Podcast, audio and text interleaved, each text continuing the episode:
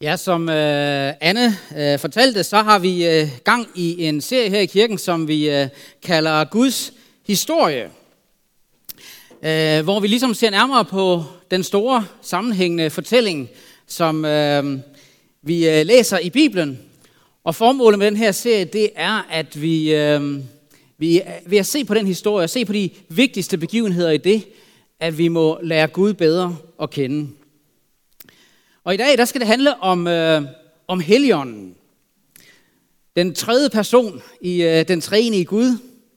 Vi tror jo på, øh, som kristne øh, på, at Gud er en treenig Gud. Faderen, Sønnen og Helligånden. Og i dag der skal vi altså særligt handle om, om Helligånden. Og især om, øh, om Helligåndens komme, pinsedag, og øh, hvilken betydning det har, og øh, hvordan det er, Helligånden virker. Og øh, jeg har skrevet mit øh, mobilnummer heroppe på lærredet, så øh, hvis nogen af jer øh, har et spørgsmål eller noget, så er I velkommen til at skrive til mig. Og så regner jeg også med, at der bliver mulighed for lige øh, et kort svar øh, efter prædiken her. Ellers får I det i hvert fald senere på dagen. Men øh, Helligåndens komme, den første pinsedag, markerer ligesom begyndelsen på en ny tidsperiode i, i Guds historie. Det man kan kalde Helligåndens tid og kirkens tid. Og det er det, vi skal fokusere på i dag og den næste gang i serien. Det er den øh, tidsperiode, som vi øh, stadig befinder os i, og som skal vare indtil den dag, hvor Jesus han kommer igen, for at dømme levende og døde, som vi siger i trosbekendelsen, og for at gøre alting nyt og godt igen for evigt for dem, der tilhører ham. Og det er det, vi skal høre om de sidste to gange øh, i serien. Så vi har altså fire gange endnu, inden vi er færdige med den her serie. Og øh, hvor kom vi nu til? Øh, jo, før sommerferien, der hørte vi om øh, Jesu død og opstandelse. Vi hørte om Jesu død og opstandelse som, kan man sige, kulminationen på alt det, der var gået forud i Guds historie. Det, der var selve opfyldelsen af skrifterne, af, af hele Guds plan, og alle Guds løfter om en, en frelser for os mennesker. Og fordi Jesus døde og opstod for alle mennesker til alle tider, så sagde Jesus til sine disciple, at budskabet om ham og det han havde gjort, det skulle forkyndes for alle folkeslag i hele verden. Og hans discipler, hans disciple, de skulle være hans vidner. Men de skulle ikke straks gå i gang. Vi skulle ikke straks gå i gang med den her øh, opgave i egen kraft. Nej, de skulle vente på at blive iført kraft fra det høje til opgaven. Og det var et løfte om, at Jesus ville sende Helligånden til dem. Efter at Jesus selv var blevet ophøjet til himlen og vendt tilbage til sin far. Øh, så ville han sende Helligånden til dem. Og det var det, som skete øh, pinsedag, og som vi øh, nu skal læse om i øh, Apostlenes Gerninger kapitel 2. Øh, jeg har ændret lidt i, i, øh, i øh, prædiketeksten i forhold til det, der stod i programmet. Vi skal læse ikke hele kapitel 2, men det meste af det.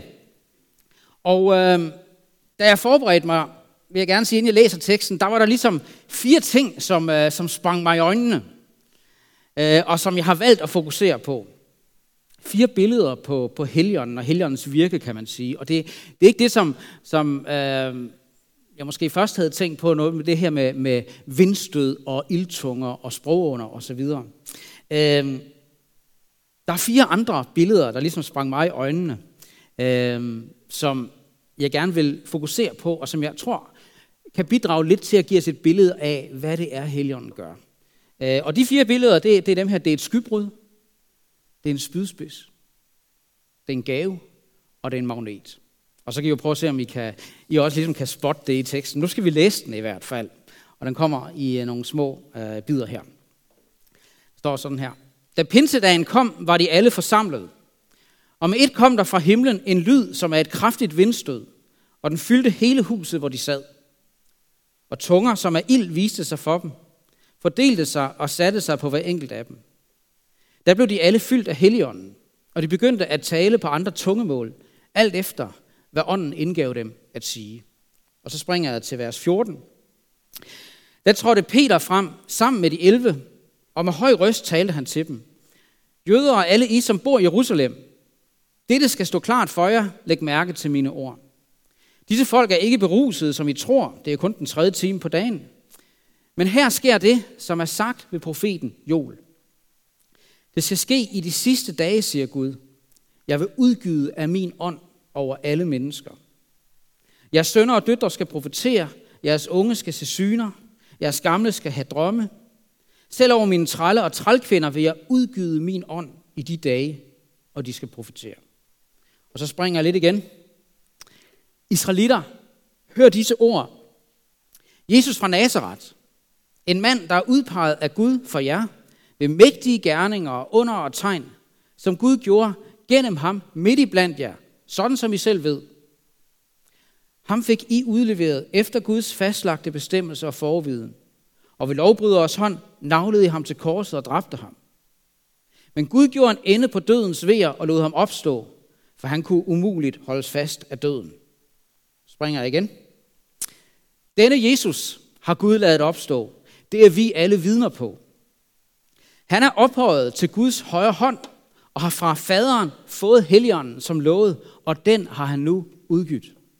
Det er det, I både ser og hører. For David steg ikke op til himlene, men siger selv, Herren sagde til min herre, sæt dig ved min højre hånd, indtil jeg får lagt dine fjender som en skammel for dine fødder. Så skal der hele Israels hus vide for vist, at den Jesus, som I har korsfæstet, har Gud gjort både til Herre og til Kristus. Og så fra vers 37. Da de hørte det, stak det dem i hjertet. Og de spurgte Peter og de andre apostle, hvad skal vi gøre, brødre? Peter svarede, omvend jer og lad jer alle døbe i Jesu Kristi navn til jeres sønders forladelse. Så skal I få heligånden som gave. For løftet gælder jer og jeres børn og alle dem i det fjerne, som Herren, ved Gud, Herren hvor Gud vil kalde på. Og med mange andre ord vidnede Peter og formanede dem og sagde, lad jer frelse fra denne forkvaklede slægt. De, som tog imod hans ord, blev døbt. Og den dag blev der fået næsten 3.000 mennesker til. De holdt fast ved apostlenes lære og fællesskabet, ved brødets brydelse og ved bønderne. Hver og en blev grebet af frygt, og der skete mange under og tegn ved apostlene. Men alle de troende var sammen, og de var fælles om alt. De solgte deres ejendom og ejendel og delte ud til alle efter enhvers behov. De kom i enighed i templet hver dag. Hjemme brød de brødet og spiste sammen. Og jublende og oprigtige af hjerte priste de Gud og havde hele folkets ønst. Og Herren fåede hver dag nogle til, som blev frelst. Lad os bede. Gud, vi takker dig for dit ord. Og øh, vi takker dig for, at du nu er nær ved din hellige ånd. Og vil du nu tale til os, her? Åbn vores hjerter. Og øh, så beder vi dig om, at du vil skabe troen og styrke troen på Jesus i os. Amen.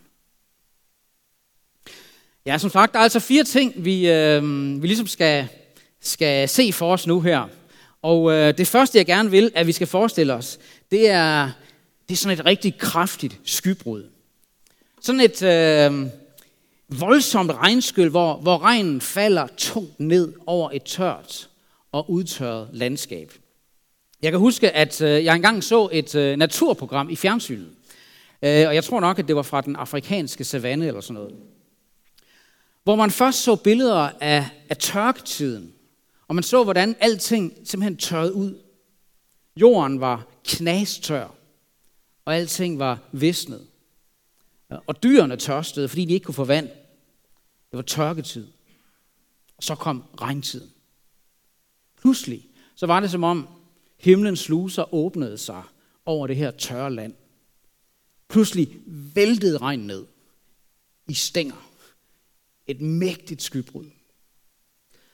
Og så så man billeder af, hvordan alting begyndte at spire og gro og blive grønt og blomstre. Og man så dyrene, der ligesom fik ny kraft, fordi de igen havde rigeligt med vand og drikke, som de kunne forfriske sig i. Og man så, hvordan alting fik nyt liv. Det var faktisk enormt smukt at se. Det var smukt og næsten forfriskende i sig selv blot at se de her billeder af, af det her voldsomme regnskyld, og hvordan det på meget kort tid forvandlet et knastørt landskab til et frodigt, livsvibrerende landskab. Og det er billedligt talt i åndelig betydning, hvad der skete pinsedag, da Helligånden kom. Og det er et billede, der faktisk ligger i teksten. Det ligger i et bestemt ord, der bruges. Øh, ordet udgydt. Vi har det i vers 17, hvor Gud siger, jeg vil udgyde af min ånd over alle mennesker. Og igen vers 18, jeg vil udgyde min ånd i de dage. Og vers 33, han, altså Jesus, er ophøjet til Guds højre hånd og har fra faderen fået helligånden som lovet, og den har han nu udgydt.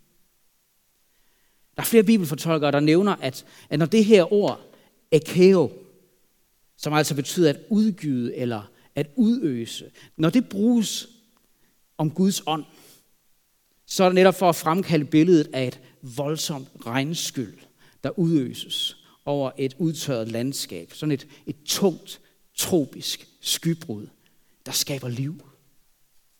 Så det er et billede, der, der så at sige ligger i teksten selv, og det er et billede, der allerede bruges i det gamle testamente, hvor der ligesom ses frem mod en dag, hvor Gud han har lovet, at han vil udgyde sin ånd over mennesker som vand, der giver liv. Uh, vi skal bare lige læse to af de uh, to steder fra Esajas' bog, hvor der står i, kapitel 32, vers 15, men når ånd fra det høje udgydes over os, bliver ørkenen en frugthave. Og i Esajas 44, vers 3, for jeg udgyder vand over den tørste jord, strømme af vand over det tørre land. Jeg udgyder min ånd over dit afkom og min velsignelse over dine efterkommere. Jeg synes, det, det er et herligt billede, det her, et stærkt billede. Udgivelsen af Helligånden Pinsedagen, det var opfyldelsen af Guds løfter i det gamle testamente, om at han en dag ville udgyde sin ånd som vand over den tørste jord, over alle mennesker, som profeten Joel havde sagt. Ikke blot over jøder, men over mennesker af alle folkeslag. Helligånden blev udgydt pinsedag for at give liv skabe frugt og bringe velsignelse til alle mennesker, netop gennem budskabet om Jesus og den frelse, som han har fuldbragt for alle mennesker. Helligånden blev udgivet for at give liv netop gennem det budskab. Og frugten udblev ikke. Allerede 3.000 på den første dag. Og Helligånden har lige siden fortsat det virke. Og han fortsætter det også i dag. Frugten er ikke altid lige stor overalt, men den er aldrig uden frugt. Og nogle steder i verden, der er der også stor frugt i dag. Og hver gang bare et nyt menneske kommer til tro på Jesus, så vokser frugten. Det er det første billede, som vi ligesom skal have fat i her, som kan hjælpe os til at forstå det her, som, som skete pinsedag. Et, et mægtigt åndens skybrud eller regnskyld. Billedet af, af livgivende vand, der udøses over mennesker. Helligånden, der bringer liv fra Gud til os mennesker, som, som lever i syndens og dødens verden. Helligånden, der kommer med åndeligt liv, evigt liv. For netop det her med at give liv, det er i Bibelen særligt knyttet til Helligåndens gerning. Helligånden, det er ham, der gør levende. Eller som der står i salme 104, vers 30, du sender din ånd, og der skabes liv. Og det er også det, Helligånden ønsker at gøre i dit og mit liv. Den anden ting, øh, jeg gerne vil øh, ligesom have jer til at forestille jer, det er en spydspids. Øh, I sin bog Mærker du ånden, der kalder Peter Haldorf Helligånden for treenighedens spydspids. Og jeg kom til at tænke på det udtryk, det udtryk da, jeg, da jeg læste teksten her. Treenighedens spydspids. Og jeg kom til at tænke på Helligånden som en spydspids, der stikker i hjertet. Fordi da, da Peter fyldte af Helligånden, og med kraft fra Helligånden, holder sin berømte tale på den første pinsedag, så virker Helligånden gennem hans ord næsten som en spydspids, der stikker hans tilhører i hjertet. Der står, da de hørte det, stak det dem i hjertet. Og hvis nogen af jer tænker, det lyder egentlig ikke som nogen særlig rar oplevelse. Så tror jeg, I har ret. Det er i en eller anden grad en smertefuld oplevelse eller følelse, som ligger i det udtryk, at det stak dem i hjertet. Og jeg tror, der er en vigtig pointe i det. Når helgenen virker gennem Guds ord og ligesom trænger igennem til dig, så er det første, du mærker meget ofte faktisk ikke noget, der er åh så dejligt. Men det er et stik i hjertet. Det er en smerte. It hurts. Hvorfor? Fordi det, øh, det, som sker, det er, at Guds hellige ånd trænger ind til et syndigt menneskehjerte som mit. Og når det sker, så er det første, vi mærker, meget ofte en erkendelse af vores egen synd og skyld over for Gud, vores egen uværdighed over for Gud, vores oprør mod Gud, vores mistillid til Gud. Og vi mærker et påtrængende behov for hans tilgivelse og hans nåde. Og det, det er så grundlæggende, når vi taler om Helligånden, at jeg vil våge at sige, at hvis, hvis vi aldrig i en eller anden grad har oplevet dette stik i hjertet fra Helligånden, hvis vi aldrig oplever det, og har mærket en erkendelse af synd i vores liv, og et behov for Guds tilgivelse og noget, så har vi sandsynligvis endnu ikke haft et virkeligt møde med Guds hellige ånd. Jeg siger det, fordi der er så meget snak om spiritualitet i dag, samtidig endda selv i kristne cirkler, der er kendetegnet ved, at, at enhver form for syndsbegreb nærmest er fraværende. Og jeg tror ikke, at den form for spiritualitet har ret meget med heligånden at gøre. Jesus selv sagde, at han ville sende heligånden, og når heligånden kom, talsmand, som han også kalder ham, så vil Helligåndens første gerning være at overbevise verden om synd. Og det var præcis det, Helligånden gjorde pinsedag. Og det er stadig Helligåndens første gerning, så at sige. Helligånden virker gennem Guds ord som en, en spydspids, der stikker i hjertet. Og det er noget, der stikker dybt. Hjertet er personlighedens centrum. Det er det inderste i vores personlighed. Helligånden stikker dybt, og det kan være smertefuldt. Men, men Helligånden gør det med et godt formål. Han gør det, fordi han vil ind. Han sårer for at læge. Han prikker hul på bylden for at rense. Han overbeviser dig om synd for at vise dig Jesus og hans nåde og hvad han har gjort for dig. Helligånden er den, der giver liv, som jeg sagde lige før. Ja, men som en også har sagt, det første tegn på åndeligt liv, det er ofte, at du føler det, som om du er død. At Helligånden stikker som en spydspids i hjertet. Han peger på din og min synd. For så at pege på ham, som kan frelse os fra synden, nemlig Jesus. Og for at sige til dig og mig, dine sønder er der tilgivet for Jesus skyld. Helligånden er som en spydspids, der stikker i hjertet.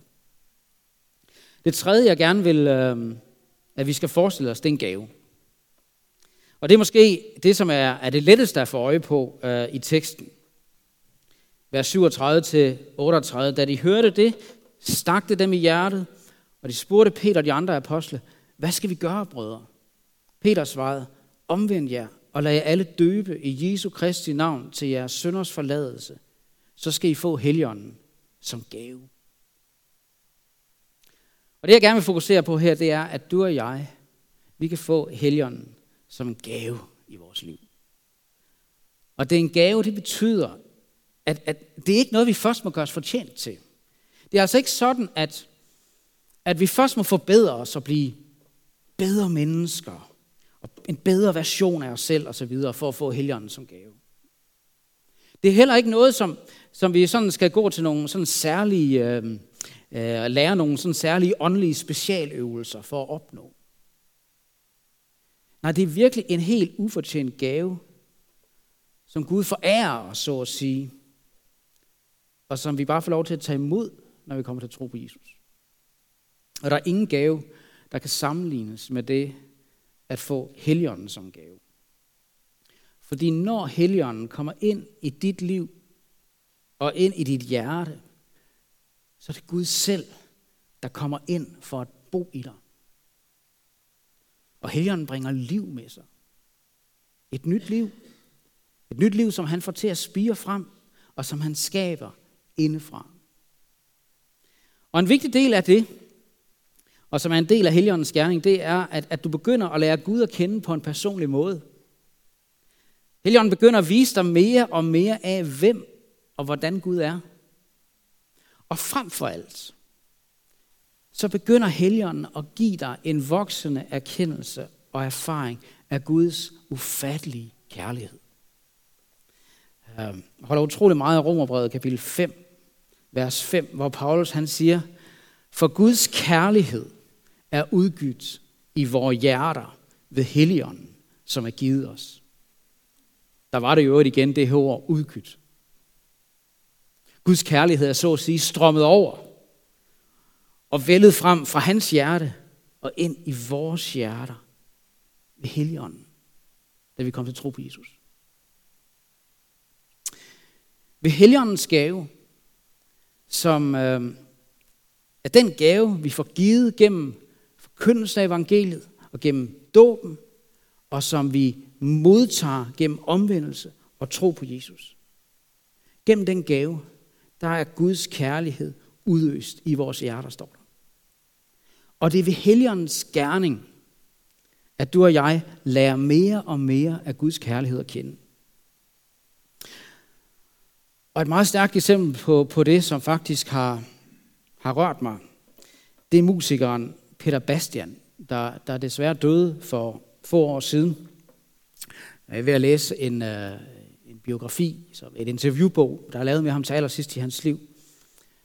Øh, hvor han bruger det udtryk om det her, at det er en voksende erkendelse af, at vi er altid allerede elsket af Gud. Og for Peter Bastian, der var det en erkendelse, der først brød igennem til ham til, til allersidst i hans liv, da han faktisk havde fået lærernes dødsdom. Efter han med, efter eget udsagn hele sit liv havde stræbt efter at præstere. Og være god nok. Og, og, og, og være den bedste version af sig selv. Og stræbt efter at være værd at elske. Også været meget sådan inde i alle mulige sådan, øh, øh, mystiske, øh, religiøse retninger og sådan noget. Så oplevede han til sidst, og da han havde fået lægens dødsdom, der oplevede han ved at læse i Bibelen det, han selv betegner som et åndeligt indbrud i hans liv. Hvor han kom til tro på Jesus og blev døbt. Og hvor Helligånden ligesom brød igennem i hans liv. Og lidt efter lidt begyndte at vise ham, netop med hans egen formulering, at han var altid allerede elsket elsket på forhånd af Gud. Og så fandt han fred i Kristus. Det er Helligåndens gave og gerning. Det er det, han også gerne vil vise dig og mig. At du altid allerede er elsket af Gud, som du er. At du var elsket af Gud allerede før verden blev skabt. At du var elsket af Gud allerede før du blev født. At Gud allerede har vist os sin kærlighed ved at Kristus døde for os, mens vi endnu var syndere, som Paulus siger, og, og var svage og ugudelige og Guds fjender, som han også siger. Vi er altid allerede elsket af Gud, og det er det, Helligånden gerne vil vise os. Og så bare en ting mere her i, øh, i forbindelse med det her med Helligånden som en gave. Øh, I 1. Korinther 2.12 øh, skriver Paulus sådan her, vi har ikke fået verdens ånd, men ånden fra Gud, for at vi skal vide, hvad Gud i sin nåde har givet os. Og det vil sige, at Gud har givet os sin ånd, for at vi skal vide, hvad Gud i sin nåde har givet os i Kristus. Det er der er pointen. Gud har givet os helligånden, for at han igen og igen kan åbne vores øjne for det, Gud har givet os igennem Jesus fuld tilgivelse for vores sønder. Et ret forhold til Gud, hvor vi er retfærdige over for ham, på grund af Jesus. Et, et barneforhold til Gud som vores far, hvor vi er hans elskede børn. Et fast håb om et evigt liv. Alt det, det vil, det vil Helligånden så at sige vise os og give os vidshed om.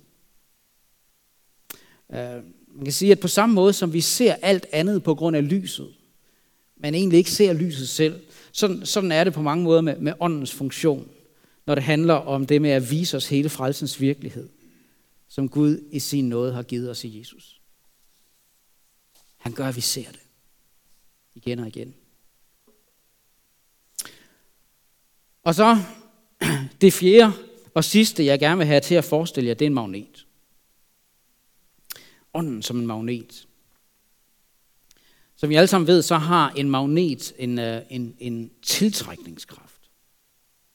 Det er ganske vist øh, en usynlig tiltrækningskraft, men alligevel så er, er, er tiltrækningskraften konstaterbar. Og det var ligesom det, det fjerde billede, jeg, jeg fik på nethinden, da jeg forberedte mig til i dag. Ånden som, som en magnet, der tiltrækker. Fordi da, da, da Gud udgød sin ånd pinsedag, og apostlen Peter forkyndte evangeliet, kaldte mennesker til at vende om i tro og blive døbt, så var det med en nærmest magnetisk tiltrækningskraft. Der står i vers 41, de som tog imod hans ord blev døbt, og den dag blev der for næsten 3.000 mennesker til. Næsten 3.000 mennesker blev draget ind i troen, blot på en dag. Tiltrækningskraften var usynlig, det var heligånden.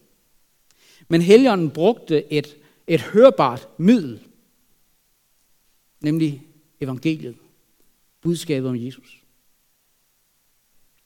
Og Helligånden og evangeliet skabte et særligt fællesskab mellem de her 3.000 mennesker i troen på Jesus. Et fællesskab, hvor de tog sig godt af hinanden.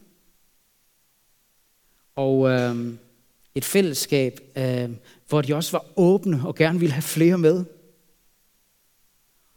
Og på den her måde så fik tiltrækningskraften også en, øh, en synlig side, kan man sige. Det kristne fællesskab. Det her særlige fællesskab, de havde med hinanden i troen på Jesus. Man kan sige, at det her samspil mellem Helligånden og evangeliet og fællesskabet, det havde en utrolig stærk, ja nærmest magnetisk tiltrækningskraft på andre. Og som, som der også står, og Herren fået hver dag nogle til, som blev frelst. Herren. Herren, det, det, det er jo Jesus. Ja, fordi Jesu ophøjelse til himlen betyder ikke, at Jesus nu er fraværende. Det betyder faktisk det modsatte. Det betyder, at han selv er nærværende og aktiv i sin menighed overalt ved Helligånden. Og Jesus er der, er han netop for at drage alle mennesker til sig. Øh, som Jesus selv sagde, den har jeg så ikke fået med, men han siger i Johannes kapitel 12, vers 32, og når jeg er blevet ophøjet fra jorden, vil jeg drage alle til mig. Så vil jeg drage alle til mig. Og det han så at sige begyndte på kraft af Helligånden, pinsedag. Det begyndte i Jerusalem og med jøderne. Men snart begyndte også hedningerne, ikke jøderne, at blive draget ind også. Og ud over hele verden drager han stadig mennesker til sig. Det gør han også i dag. Gør han også her i København. Det gør han også her i dag, her i Københavnerkirken. Og måske er der også nogen her i dag, som han vil drage ind til sig. For at give liv. Måske for at stikke i hjertet, men fordi han gerne vil ind. For der er en gave, han gerne vil give. Og der er et fællesskab, han gerne vil drage os alle sammen ind i. Nu vil vi øh, lade der være tid her til lidt stillhed, lidt refleksion. Um, og øh, jeg vil sætte de der fire billeder op, så kan I jo øh, prøve at bruge dem lidt i refleksionen her. Og øh, hvis der så skulle være et spørgsmål eller noget, så, øh, så vil jeg lige få tid til at svare på det bagefter. Men øh, lad os være stille og, og bede og reflektere.